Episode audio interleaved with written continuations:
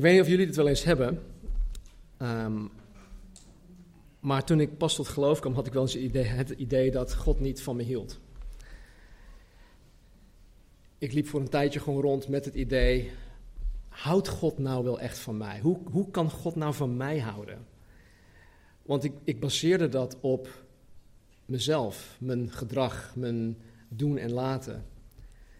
Of ik nu wel genoeg bad of Bijbel las, of als ik met sommige dingen bezig was, dan kreeg ik het gevoel of het idee, nou weet je, God kan wel houden van al die goede christenen die ik zondags in de kerk zie, maar voor mij. Nou, wanneer je dit soort momenten hebt, of als je sowieso met deze gedachten rondloopt, dan komt dat omdat je God en zijn liefde nog niet genoeg kent. En het is juist om deze reden dat Paulus bidt voor de kerk in Efeze. Dat zij ten volle zouden kunnen begrijpen de breedte, de lengte, de diepte en hoogte van de liefde van Christus die alle verstand te boven gaat. Zonder Gods liefde op deze manier te kennen, zal je nog altijd twijfelen of God nu echt van jou houdt of kan houden. Want je zal altijd nog geloven dat het van jou afhangt. In de tekst dat we gaan behandelen staat het grootste bewijs dat God toch wel echt van jou houdt. En ehm, als je hier voor het eerst bent, ehm, dan kom je midden in een studie van het, ehm, of de eerste brief van 1 eh, Johannes, of de eerste brief van Johannes. En we zijn nu in hoofdstuk 4 terechtgekomen. En ja, ik had voorgenomen om het hele hoofdstuk te behandelen, maar ik denk dat we tot, uh, tot ongeveer de helft komen. Of iets meer dan de helft. Laten we lezen. 1 Johannes hoofdstuk 4 vanaf vers 1. Geliefde, geloof niet elke geest, maar beproef de geesten of zij uit God zijn. Want er zijn veel valse profeten in de wereld uitgegaan. Hieraan leert u de geest van God kennen. Elke geest die beleidt dat Jezus Christus in het vlees gekomen is, is uit God. En elke geest die niet beleidt dat Jezus Christus in het vlees gekomen is, is niet uit God, maar dat is de geest van de antichrist, waarvan u gehoord hebt dat hij komt en die nu al in de wereld is. Lieve kinderen, u bent uit God en u hebt hen overwonnen, want hij die in u is, is groter dan hij die in de wereld is. Zij zijn uit de wereld, daarom spreken zij uit de wereld en de wereld luistert naar hen. Wij zijn uit God. Wie God kent, luistert naar ons wie niet uit God is, luistert niet naar ons. Hieraan herkennen wij de geest van de waarheid en de geest van de dwaling. Geliefden, laten wij elkaar lief hebben. Want de liefde is uit God en ieder die lief heeft is uit God geboren en kent God. Wie niet lief heeft, kent God niet, want God is liefde. Hierin is de liefde van God aan ons geopenbaard, dat God zijn enige geboren zoon in de wereld gezonden heeft, opdat wij zouden leven door hem. Hierin is de liefde niet dat wij God lief hebben gekregen, maar dat Hij ons lief had en zijn zoon zond als verzoening voor onze zonden. Geliefden, als God ons zo lief had, moeten ook wij elkaar lief hebben. Niemand heeft ooit God gezien. Als wij elkaar lief hebben, blijft God in ons en is Zijn liefde in ons volmaakt geworden. Tot zover. Nou, zoals we door deze studie heen onlangs geleerd hebben, had Johannes, de schrijver, te kampen met valse leren in de kerk. Namelijk met het gnosticisme. En deze brief is grotendeels een verweer tegen deze valse leer. In hoofdstuk 2 noemde Johannes deze valse leraren antichristen. Nu in hoofdstuk 4 gaat hij uitleggen waaraan, deze, uh, waaraan wij deze antichristen, oftewel de geest van de antichrist, kan herkennen. Dus in beginnend met vers 1. Geliefde, geloof niet elke geest, maar beproef de geesten of ze uit God zijn. Want er zijn veel valse profeten in de wereld uitgegaan. Hieraan leert u de geest van God kennen. Elke geest die beleidt dat Jezus Christus in het vlees gekomen is, is uit God. En elke geest die niet beleidt dat Jezus Christus in het vlees gekomen is, is niet uit God. Maar dat is de geest van de antichrist, waarvan u gehoord hebt dat hij komt en die nu al in de wereld is. Johannes ehm, laat ons in deze verse zien dat wij niet zomaar uh, blindelings Jan en alle man moeten gaan geloven die uh, in de naam van Jezus iets verkondigen. Want hij zegt hier, er zijn veel valse profeten in de wereld uitgegaan. De bron, de bron van valse leer, van alle valse leer, is de Satan. En door middel van de geest van de antichrist ondermijnt hij altijd de goddelijkheid van Jezus Christus. Altijd. Johannes schrijft: Elke geest die beleidt dat Jezus Christus in het vlees gekomen is, is uit God. Het gaat de God van de Bijbel erom dat de ware Jezus Christus verkondigd en nagevolgd wordt. Het gaat om de Jezus die God is, die zijn hemelse heerlijkheid heeft verlaten om middels de maagdelijke geboorte een kwetsbaar mens van vlees en bloed te worden. Het gaat om de Jezus waarvan 700 jaar voor de maagdelijke uh, geboorte geprofeteerd werd door de profeet Jesaja. Jesaja zei in uh, Jesaja 7 vers 14, Daarom zal de Heere zelf u een teken geven. En zoals we in het Bijbelboek Openbaring hebben geleerd, over de afgelopen paar jaar, een teken is iets dat naar iets anders verwijst. En dit verwijst dus naar God. Daarom zal de Heere zelf u een teken geven. Zie, de maagd zal zwanger worden. Zij zal een zoon baren en hem de naam Emmanuel geven. Emmanuel betekent God met ons. We kunnen het ook zo zien, God is met ons in de persoon Jezus Christus. Het gaat om de Jezus waarvan Johannes in zijn evangelie dit schreef. In Johannes hoofdstuk 1, vers 1 tot en met 4. Sorry, ik heb het niet op de slide. Er staat, in het begin was het woord. Het woord was bij God en het woord was God. Dit was in het begin bij God. Alle dingen zijn door het woord gemaakt en zonder dit woord is er geen ding gemaakt dat gemaakt is. In het woord was het leven en het leven was het licht van de mensen. Hier verkondigt Johannes het woord, de, de logos.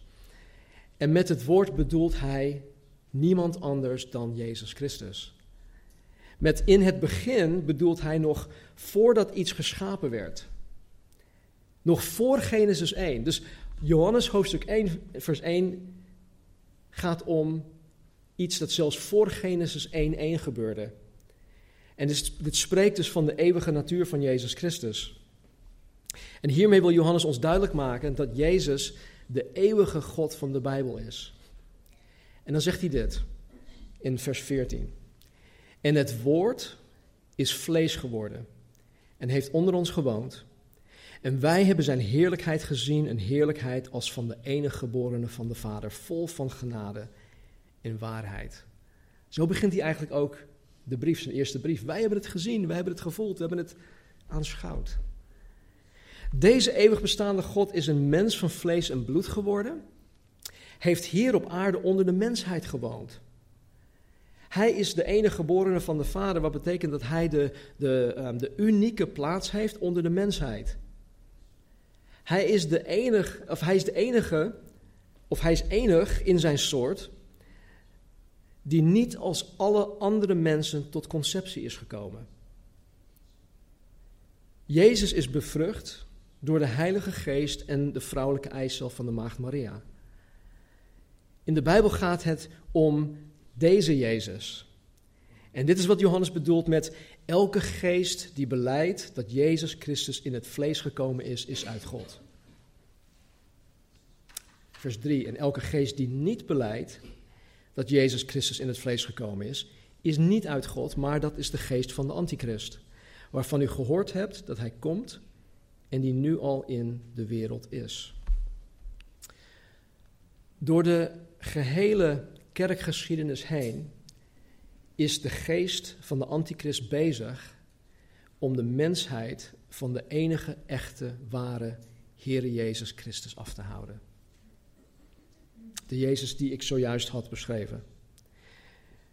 Je zou denken dat antichrist uh, tegen Christus betekent. Ik ben anti, ik ben er tegen. Maar antichrist betekent eigenlijk in plaats van Christus. De valse profeten of de valse leraren brengen dus altijd een valse Christus die de plaats van de echte Christus in wil nemen. In de tijd van de eerste kerk, de tijd van Johannes, waren het onder andere de, de gnostieken die een andere Jezus verkondigden. En sinds de 19e eeuw hebben wij anno 2018 bijvoorbeeld secten die zich ook christelijk noemen, zoals de Mormonen en de Jehovah's getuigen. Maar alhoewel zij zich onder het christendom scharen, beleiden en verkondigen zij een geheel andere Jezus Christus. Volgens de Mormoonse leer is Jezus een door God geschapen wezen en hun Jezus, dus de Jezus van de Mormonen, en Satan zijn geestelijke broers. Volgens de Jehovah's getuigen is hun Jezus ook een door God geschapen wezen en is eigenlijk de aartsengel Michael. De Jezus die de Mormonen en Jehovah's getuigen beleiden en verkondigen, is een verzinsel van de Satan en wordt door de geest van Antichrist over de gehele wereld verspreid. Waarom is dit belangrijk? Ah joh, alle wegen leiden toch tot Rome. Alle wegen leiden toch tot God. Zij roepen dezelfde God aan die wij aanroepen. Maak je daar niet druk om. Waarom is dit belangrijk? Omdat wij, wij die wedergeboren zijn, door de geest van God, geen enkele mormoon of Jehovah's getuige tegen zullen komen in de eeuwigheid met Jezus. Zij zullen er niet bij zijn. De leer van de mormonen en van de Jehovah's getuigen leiden mensen niet naar de eeuwigheid met Jezus, maar naar de hel. Dat klinkt heel hard, het klinkt ook heel erg nauw, maar luister en lees naar wat Jezus ons leert. Nauw is de poort, smal is de weg. Breed is de weg die naar de verdoemenis leidt. In Galaten 1, 6 tot en met 8 zegt Paulus dit. Ik verwonder mij erover dat u zich zo snel afwendt van Hem, Jezus, die u in de genade van Christus geroepen heeft, naar een ander evangelie. Terwijl er geen ander is. Al zijn er ook sommigen die u in verwarring brengen en het evangelie van Christus willen verdraaien. Maar zelfs als wij, of een engel uit de hemel, bijvoorbeeld de engel Moroni, de Mormonen, u een evangelie zouden verkondigen anders dan wat wij u verkondigd hebben, die zij vervloekt. Wat betekent het om vervloekt te zijn? Gaan vervloekten naar de hemel? Zullen de vervloekten voor altijd en eeuwig bij Jezus Christus zijn? Nee. Vandaar dat onder andere 1 Johannes erop blijft hameren dat wij de juiste Jezus Christus beleiden, geloven, navolgen en verkondigen. En vandaar dat de kerk in Handelingen 2 bleef volharden in de leer van de apostelen. Vers 4. Lieve kinderen, u bent uit God en u hebt hen overwonnen. Want hij die in u is, is groter dan hij die in de wereld is. Wanneer jij wedergeboren bent en met de Heilige Geest vervuld bent, dan heb jij niets te vrezen voor wat betreft de valse leer. Helemaal niets. Ja, maar eh, wat als ik misleid word? De geest der waarheid zal je tot de gehele waarheid leiden. Lees je Bijbel, bid elke dag dat je groeien mag. Je hebt niets te vrezen. Johannes schrijft dat jij de valse profeten hebt overwonnen. Dat staat hier. Want hij die in jou is, dat wil zeggen de Heilige Geest, de geest van de echte Jezus Christus, die is groter, machtiger, sterker, wijzer, overtuigender dan de geest van de antichrist dat in de wereld is. De valse profeten en valse leraren kunnen jou niets maken, mits je in de echte Jezus blijft. Vers 5. Zij zijn uit de wereld, daarom spreken zij uit de wereld en de wereld luistert naar hen. En deze valse profeten, de secten, zijn uit de wereld. Ze zijn niet wedergeboren door de geest van God. Ook hun volgelingen zijn niet wedergeboren door de geest van God. En vandaar dat de niet wedergeboren wereldlingen, die geen onderscheidingsvermogen hebben, die geen gave van onderscheiding van geesten hebben, naar hun luistert. Vers 6, wij zijn uit God. Wie God kent, luistert naar ons. Wie niet uit God is, luistert niet naar ons. En hieraan herkennen wij de geest van de waarheid en de geest van de dwaling. Johannes schrijft dat hij en de overige apostelen die het Nieuw Testament geschreven hebben, uit God zijn. Wij zijn uit God, zegt Johannes. Het Grieks voorzetsel ek geeft een oorsprong aan. Uit. En dit bevestigt dan ook de wedergeboorte van de apostelen, ook die van ons. Want in, in vers 4 schrijft Johannes dat ook wij uit ek God zijn. De oorsprong van elke wedergeboren christen is wie? Is God. En vandaar dat ik naar de leer van de apostelen luister. Oftewel, vandaar dat ik me volhard in de leer van de apostelen. Ik sla er acht op. Ik maak het mijn eigen. Want dat is de waarheid. Wiens oorsprong niet uit God is, luistert niet naar de leer van de apostelen in de Bijbel. Dit zien wij heel duidelijk als wij het, het christendom, het ware christendom, vergelijken met de secten. Praat een keertje met een Jehovah's getuigen. Wanneer ze aan de deur komen, ga met hun in, in, in gesprek, of een mormoon. En dan zal je zien dat zij niet openstaan, ze luisteren niet naar de leer van de apostelen. En ze zullen er alles aan doen om jou helemaal in de war te brengen. Jezus legde dit in Johannes 8 uit. Jezus was bezig met, in een gesprek met uh, Joodse religieuze leiders. En dan zegt hij dit tegen hen. U bent ek uit uw vader de duivel. Dat zijn harde woorden. Er zijn sommige mensen die zeggen van ja, maar Jezus is alleen maar liefde. Dit zijn hele harde woorden van Jezus. Hij zegt, u bent uit uw vader de duivel en wilt de begeerte van uw vader doen. Die was een mensenmoordenaar van het begin af en staat niet in de waarheid, want er is in hem geen waarheid. Wanneer hij, de Satan, de leugen spreekt, spreekt hij vanuit wat van hemzelf is, want hij is een leugenaar en de vader van de leugen. Maar mij, omdat ik Jezus de waarheid spreek, mij gelooft u niet. Jezus zegt hier precies hetzelfde dat Johannes schrijft. En Johannes, of Jezus zei even later dit, in hoofdstuk 15 van Johannes Evangelie. Herinner u het woord dat ik u gezegd heb. Een dienaar is niet meer dan zijn Heer. Als zij mij vervolgd hebben, zullen zij ook u vervolgen. Als zij mijn woord in acht genomen hebben, zullen zij ook het uwe in acht nemen. Als men dus niet het woord van God dat de apostelen geschreven hebben, het Nieuw Testament aannemen, dan weten wij dat zij niet uit God zijn. Jezus zegt dat zij dus uit hun vader, de duivel, zijn. Dit is geen populaire boodschap trouwens. Hier, hier win je geen vrienden mee. En als je, als je dit gewoon tegen je buurman zou zeggen, dan zal je waarschijnlijk nooit meer een gesprek met je buurman hebben. Dus je moet daar heel tactvol en door de geest geleid worden om dat soort gesprekken met mensen aan te gaan. Je begint niet hiermee, laat ik het zo zeggen. Dit is geen, hoe zeg je dat, binnenkomertje? Nee. Hè? Nee. Maar goed, hieraan herkennen wij de geest van de waarheid en de geest van de dwaling.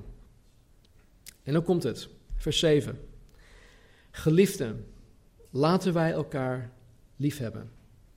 Want de liefde is uit God en ieder die lief heeft, is uit God geboren en kent God. Hier kenmerkt Johannes de christen. Als de liefde uit God is, oftewel als God de oorsprong van liefde is, dan is het logisch dat wanneer iemand die uit God is en die God ook echt kent, ook zal liefhebben. Het, het kan gewoonweg niet anders dat wanneer iemand echt uit God is geboren en God gaat leren kennen en God kent, dat die persoon niet lief zal hebben. Dat, kan gewoon niet. Ik zei het al vaker in, in, in andere preken. Uh, waarom blaft een hond? Omdat hij een hond is. Waarom heeft een echte wedergeboren kind van God mensen lief? Omdat hij uit God is geboren. Zo vader, zo zoon, zo vader, zo dochter. Mijn moeder zei altijd aardje naar je vader. Ik weet niet of dat, uh, of dat is dat oud, oud Nederlands. Ja, oké, dat. Nou, het, het liefhebben van je broers en zussen, je broers en zussen in Christus, is dus niet alleen een gebod van God. Het is tegelijk ook het bewijs, het bewijs dat je een echte christen bent. Vers 8. Wie niet lief heeft, kent God niet. Want God is liefde. De Bijbel verklaart in dit vers op een, een onmiskenbare manier dat de God van de Bijbel, de schepper van hemel en aarde, liefde is. God is liefde. Punt uit. Er staat hier niet, en dit is een groot verschil, er staat niet dat God liefdevol is. Er staat ook niet dat God liefhebbend is of een liefhebber is. Nee, God is liefde. Het, cent, het, Bijbel, ja, het Centrum voor Bijbelonderzoek zegt dit hierover. Gods hele wezen is liefde. Wat hij doet of laat, is uiting van zijn liefde. Dat geldt voor zijn scheppend handelen, zijn regeren en onderhouden van al wat is, maar ook voor zijn oordeel. God is liefde. Het Grieks woord dat hier vertaald wordt in liefde is het woord agape. Ik weet dat je hier in Nederland waarschijnlijk agape zegt, maar goed, ik zeg het agape. Agape beschrijft de ultieme liefde. Gods bovennatuurlijke liefde. God is agape. En agape is geen emotie. Het is geen warm gevoel. Het is een bewuste keus om iemand onvoorwaardelijk lief te hebben, of hij of zij het nu verdient of niet. Agape is onafhankelijk van degene aan wie het gegeven wordt. Met andere woorden, het wordt niet slechts gegeven aan degene die zo makkelijk lief te hebben zijn. Het wordt niet slechts gegeven aan die zo ontzettend lieflijk zijn. De apostel Paulus verwoordt het heel mooi. Hij zegt in Romeinen 5, vers 8: God echter bevestigt zijn liefde voor ons daarin dat Christus voor ons gestorven is toen wij nog zondaars waren. Toen wij nog vijanden waren met God, is Christus voor ons gestorven. Even verder in Romeinen 5, vers 10 uh, zegt uh, Paulus dat wij met God verzoend werden door Jezus dood aan het kruis. Wat ik net ook zei, toen wij nog vijanden van God waren. Vijanden. Dit soort liefde is bovennatuurlijk. Het is goddelijk en het is niet mogelijk voor zondig mens om op deze manier lief te hebben. De zondig mens, wij, in onze eigen natuur, zijn wel in staat om op een andere manier lief te hebben. Maar geen van deze vormen van liefde is onvoorwaardelijk. Er zijn namelijk vier Griekse woorden voor liefde, waarvan drie in de Bijbel voorkomen. De eerste, die niet in de Bijbel voorkomt, is eros. Of eros. Dit is een uh, fysieke, seksuele vorm van liefde. Ik noem dit vaak de Barry White of de MTV-liefde. Want het gaat puur om egoïstisch seksueel genot. Hey baby, I wanna love you all night long. Dat soort liefde. Dat is geen liefde. De tweede vorm van liefde is phileo. Dit soort liefde zie je tussen beste vrienden, zoals een David en een Jonathan. Het spreekt van een, een diepe emotionele band waarin men warme gevoelens voor de ander heeft. De naam van de stad Philadelphia, wat in de VS de stad van broederliefde genoemd wordt, is afgeleid van het woord phileo. De derde vorm van liefde is storge. Dit soort liefde komt voor in de familie. Tussen man en vrouw, tussen ouders en kinderen, tussen broers en zussen. Zoals Phileo spreekt dit soort liefde ook van een diepe emotionele band. Maar dit gaat verder dan Phileo, omdat de bloedverwantschap men anders bindt. Er is iets bijzonders aan een bloedverwantschap. Er is meer toewijding in storge-liefde. En in ieder van ons is zonder Gods hulp, en dat zien we ook om ons heen, zonder Gods hulp zijn uh, mensen in staat om op deze drie manieren op verschillende niveaus lief te hebben. Maar wat gebeurt er met de eros in een one-night stand? De een heeft de ander gebruikt, of ze hebben elkaar gebruikt, en in de ochtend willen ze van elkaar af. En vaak zien ze elkaar nooit meer terug. Het is puur egoïstisch. Wat gebeurt er met de phileo tussen beste vrienden wanneer ruzie hen uit elkaar drijft? Soms gaat de haat en nijd zelfs zo ver dat de een het leven van de ander ruïneert.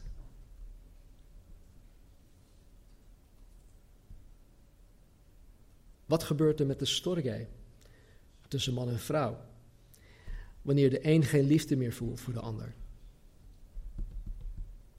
Of wanneer er onoverkomelijke verschillen ontstaan in het huwelijk. Nou, het echtscheidingspercentage ligt er niet om. Alle drie vormen van liefde die ik net genoemd heb zijn voorwaardelijk. En men kan het liefdescontract op elk moment openbreken. Men kan er op elk moment uitstappen. En dat zien we overal om ons heen. Maar agape is totaal anders. Het is een onvoorwaardelijk, zelfverlogende liefde dat uitgaat niet van wat ik er uh, door krijg, maar het gaat uit van de ander. Agape kiest bewust voor de ander. En het is te zien in wat het doet. Agape is actief, het is niet passief. En dan legt Johannes het uit. 1 Johannes 4, vers 9 tot 10. Hierin is de liefde. Hierin is de agape van God aan ons geopenbaard. Dat God zijn enige geboren zoon in de wereld gezonden heeft, opdat wij zouden leven door hem. Hierin is de agape. Niet dat wij God lief gehad hebben, maar dat Hij ons heeft lief gehad en zijn zoon zond als verzoening voor onze zonden. In, in deze twee versen zien wij dat Gods liefde voor jou en voor mij niet egoïstisch of voorwaardelijk is. Gods liefde voor jou en mij werd gegeven opdat wij zouden leven door Jezus Christus. Ja, maar ik heb al die jaren al geleefd zonder Christus. Nee, je hebt bestaan zonder Christus.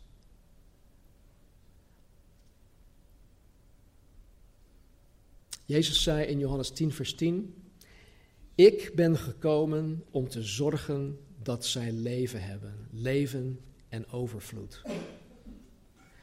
Nou, dit, dit leven waar Jezus het over heeft, dit spreekt van het eeuwig leven in de toekomst.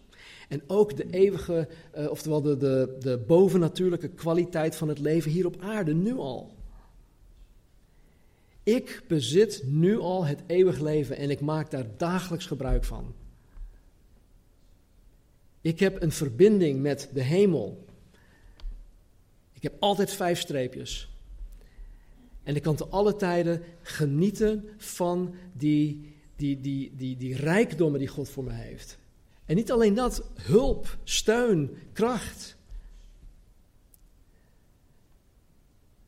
Een van de dingen die zo lastig is voor een, uh, een voorganger is dat wanneer je een bepaald schriftgedeelte gaat behandelen, dat God ervoor zorgt dat jij op dat gebied de week daarvoor beproefd gaat worden. Dat gebeurt elke week. Casper weet er alles van. En nu ook hier. Ik ben van de week gewoon keihard beproefd op dit gebied. Maar Jezus zegt dus: Ik ben gekomen om te zorgen dat ze leven hebben, leven in overvloed. Wij die het leven in overvloed van Jezus Christus hebben mogen proeven, wij willen absoluut niet terug naar de dode toestand van het ongeloof. Waarom niet? Wij hebben leven. Wij hebben leven. Gods liefde werd voor jou en mij gegeven als verzoening voor onze zonden. Kijk, dat, dat ene ding, het enige dat tussen God en de mens instaat, waaraan de mens zelf niets kan doen, is wat? Is de zonde. De zonde scheidt de mens van God. Maar door Jezus dood aan het kruis en zijn opstanding uit de dood, heeft Hij onze zonden geheel weggedaan. Hij denkt er niet eens meer aan. Hij ziet ze niet eens. Hij neemt de zonde van ons weg en werpt ze ver van ons, zo ver als het oosten is van het westen.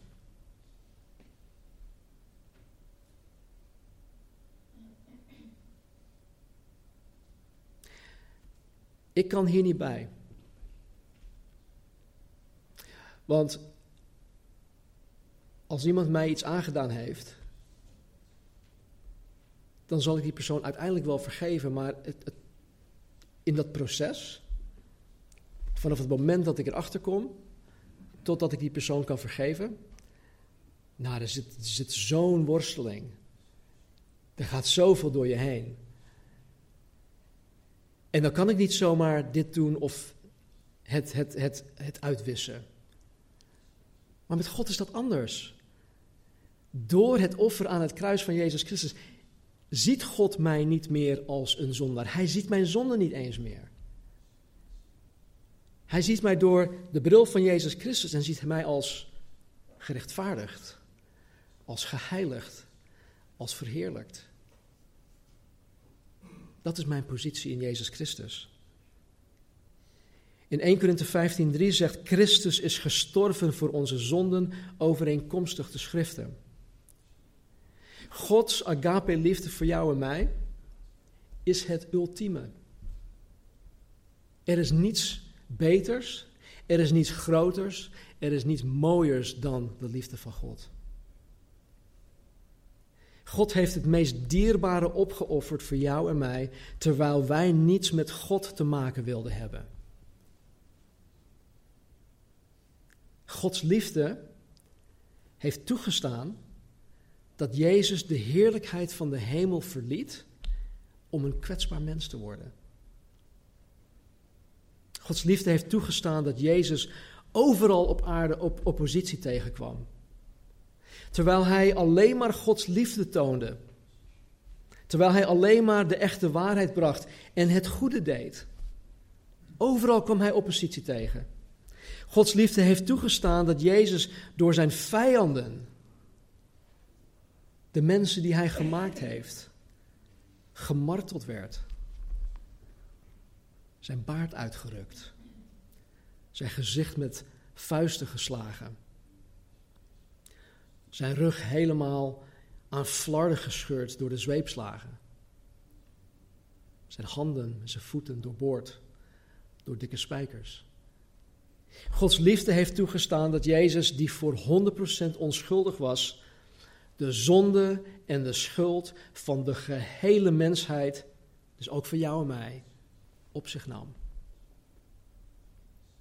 Gods liefde heeft toegestaan dat de volmaakte mens Jezus, die zich nergens schuldig aan maakte, op dat moment een moordenaar werd. Een verkrachter, een pedofiel, een crimineel, een leugenaar. Trots, hoogmoedig, vijandig, toornig, niet vergevend, rancuneus en ga zo maar door. En deze onschuldige Jezus, die alle zonden van de mensheid droeg, riep op een gegeven moment ehm, aan het kruis: Mijn God, mijn God, waarom hebt u mij verlaten? Oftewel, Papa, papa, waar bent u? Ik heb u juist nu zo hard nodig. Waarom hebt u mij in de steek gelaten? Op het moment dat Jezus al onze zonden droeg, kon God de Vader niets met Jezus te maken hebben. Zoals de zonde de mens van God scheidt, scheidde deze zonde ook Jezus van God. En dit heeft God en Jezus gedaan, zodat jij en ik verzoend kunnen worden met God. Zodat jij en ik leven en overvloed kunnen hebben. Zodat jij en ik de zekerheid van het eeuwig leven in de heerlijkheid zullen hebben.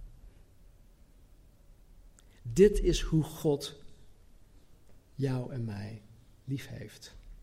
Dit, wat ik net had gezegd, dit is de uiting van Gods agape liefde. Als je twijfelt aan de liefde van God, als je twijfelt of God toch wel echt van je houdt of kan houden, dan zal God je altijd verwijzen naar het kruis. Want aan het kruis heeft God zijn liefde aan jou betoond. Vers 11. Geliefde, als God ons zo lief had, knoopt het in je oren. Geliefden, als God ons zo lief had, moeten ook wij elkaar lief hebben. Neem even een moment. Neem even een moment om om je heen te kijken. Kijk achter je, voor je, naast je. Ik heb het voordeel, ik zie jullie allemaal. Zoals God ons lief heeft, zoals God zichzelf verlogend heeft om ons lief te hebben, zo hoor jij jouw broers en zussen in Christus lief te hebben. En dan niet alleen dat selectief groepje waar je het goed mee kan vinden, of dat klikje. Nee, wij allemaal. En ook degenen die hier vandaag niet bij kunnen zijn. En hoe ziet dat er praktisch uit? Um, sla je Bijbels open op 1 Korinthe hoofdstuk 13.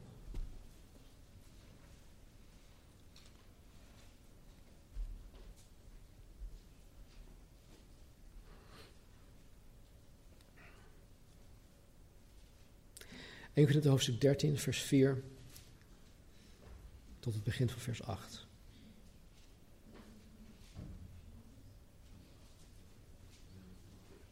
Hoe ziet deze agape-liefde eruit in mijn leven, in jouw leven?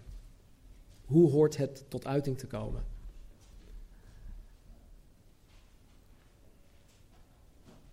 De liefde, de agape, is geduldig.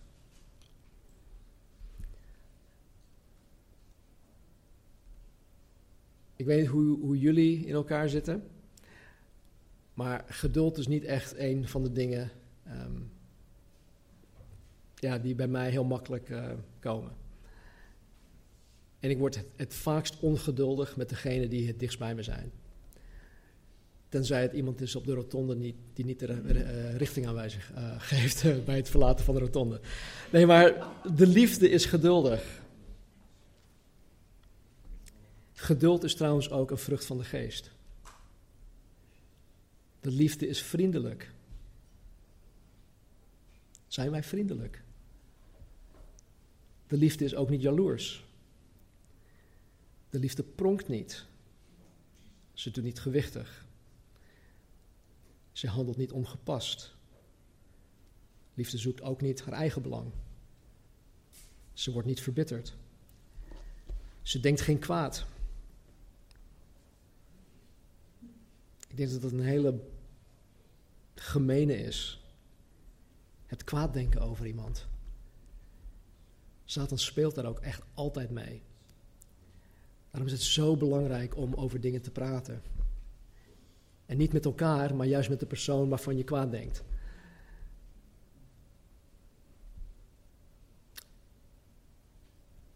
Als jij en ik het hebben over iemand anders, dan is dat gauw roddel. roddel. Dus het allerbeste is om met de persoon in kwestie te praten over dat ding dat je dwars zit. En niet met andere mensen. Ik heb altijd zoiets, nou, als de persoon in kwestie niet aanwezig is om zichzelf toe, om, om de situatie toe te lichten, om of zichzelf te verdedigen, dan ga ik het er niet met iemand, iemand anders over hebben. Want dan zijn, we, dan zijn we aan het rollen.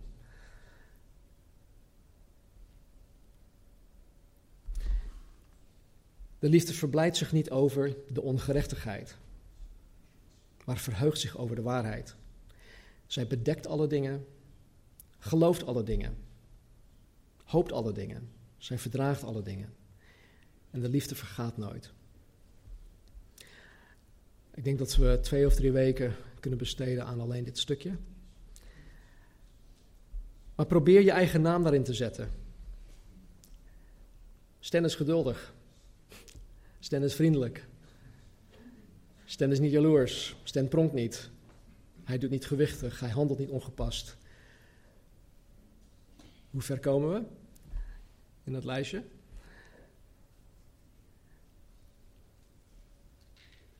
Niemand, vers 12 van 1 Johannes 4, niemand heeft ooit God gezien. Als wij elkaar lief hebben, blijft God in ons en is zijn liefde in ons volmaakt of volgroeid geworden.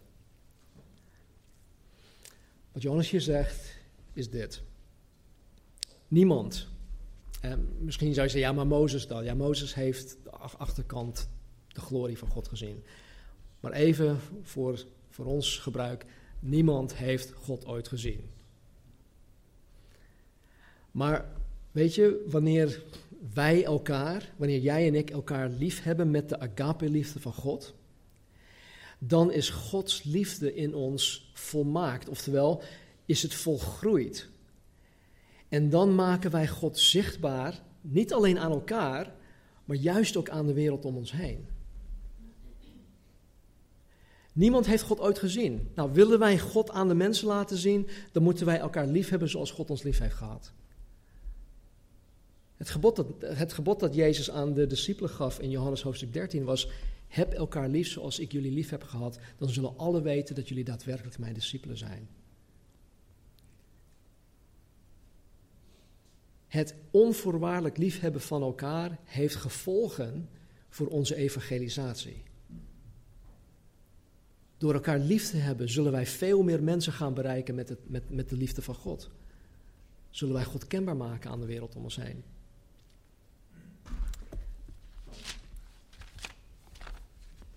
In Galaten hoofdstuk 5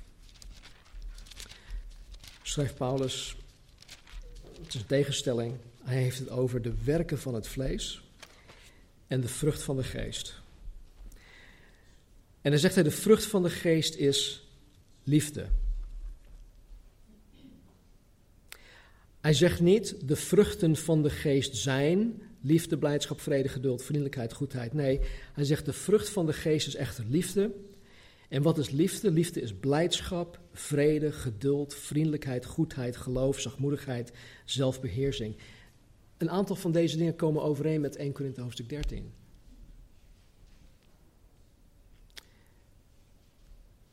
En dit kunnen wij niet. Ik kan dit niet. Zoals ik zei, ik werd van de week behoorlijk beproefd hierop.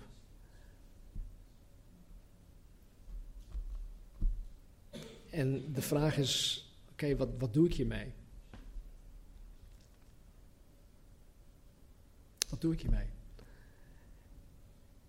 En dan is het niet zoiets van, nou, iemand heeft mijn boterham opgegeten. Dus nee. Wat zou jij doen als, als iemand jou jarenlang Iemand die dichtbij is, gewoon jarenlang bedriegt. Tegen je liegt, terwijl, terwijl je ze recht in de ogen kijkt. En dan dat je erachter komt dat het gewoon jarenlang al gaande is. Heb je even wat tijd nodig om, om dat bij God te brengen. En wat doet God dan? God zegt: Hallo Stan. Ik heb jou ook vergeven. Vergeef elkander zoals God, zoals Jezus jou vergeven heeft. De liefde die ik jou heb getoond. Er is maar één manier om dat, om, er is maar één ding wat je daarmee mag doen, kan doen. En dat is diezelfde liefde aan die persoon tonen. En natuurlijk, wanneer zoiets gebeurt, weet je het. Maar er gaan zoveel emoties door je heen. En dat moet je dan allemaal aan het altaar, aan de troon van God neerleggen. En zeggen: God, het doet pijn. Ik ben zo boos. Maar ik wil u gehoorzamen. Doe dit in mij, want ik kan het niet. En dat is Gods liefde. En Hij is bij machten om het te doen. En Hij wil het doen. En door dat proces heen zullen allen weten dat wij daadwerkelijk zijn discipelen zijn. God is liefde. Laten we bidden. Hemelse Vader, dank u wel voor uw liefde, voor uw trouw. Dank u wel voor de trouw van de apostel Johannes. Dat hij op zo'n hoge leeftijd hier nog deze brieven en ook openbaring heeft geschreven.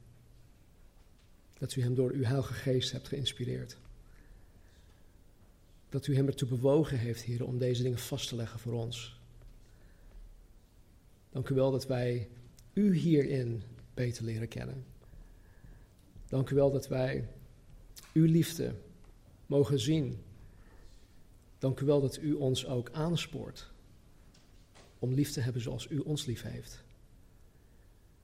Dus heren, waar waar wij vanmorgen misschien met dingen zitten,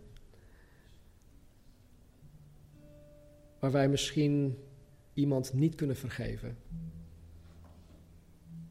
Heren, help ons om onszelf te zien in het licht van uw liefde naar ons toe. En misschien gaan er zoveel emoties en gedachten en verwarring door ons heen.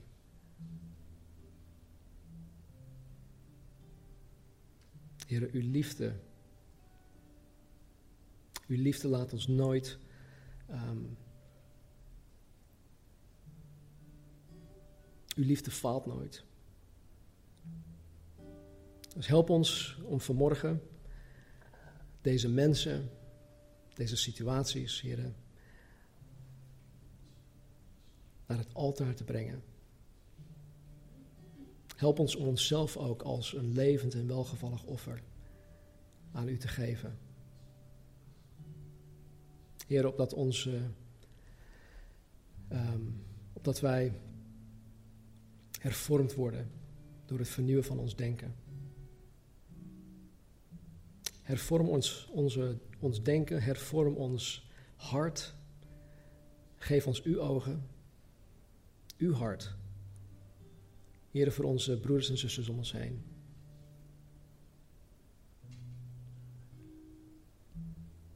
Laat niets in de weg staan. Help ons om uw liefde te zien. Help ons om uw liefde te aanvaarden. En help ons om uw liefde met elkaar te delen. Niemand heeft u ooit gezien. Maar door de liefde die wij voor elkaar hebben, Heer, maken wij u bekend. Dank u wel. In Jezus' naam. Amen.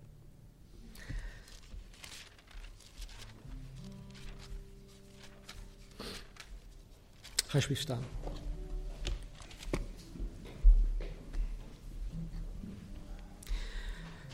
Wat zullen wij dan over deze dingen zeggen?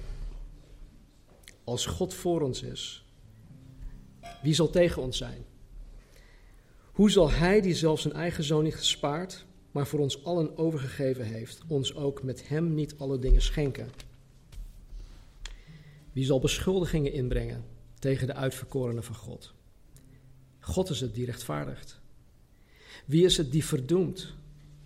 Christus is het die gestorven is, ja wat meer is, die ook opgewekt is, die ook aan de rechterhand van God is, die ook voor ons pleit. Wie zal ons scheiden van de liefde van Christus? Verdrukking, of benauwdheid, of vervolging, of honger, of naaktheid, of gevaar, of zwaard? Zoals geschreven staat. Want omwille van u worden wij de hele dag gedood. Wij worden beschouwd als slachtschapen. Maar in dit alles zijn wij meer dan overwinnaars door Hem die ons heeft liefgehad. Want ik ben ervan overtuigd dat nog dood, nog leven, nog engelen, nog overheden, nog overheden, nog krachten, nog tegenwoordige, nog toekomstige dingen, nog hoogte, nog diepte, nog enig ander schepsel ons zal kunnen scheiden van de liefde van God in Christus Jezus onze Heer. Laat dat tot je doordringen. En laat dat jouw leven en je levenswandel en je gedachten en je doen en laten elke dag opnieuw bepalen.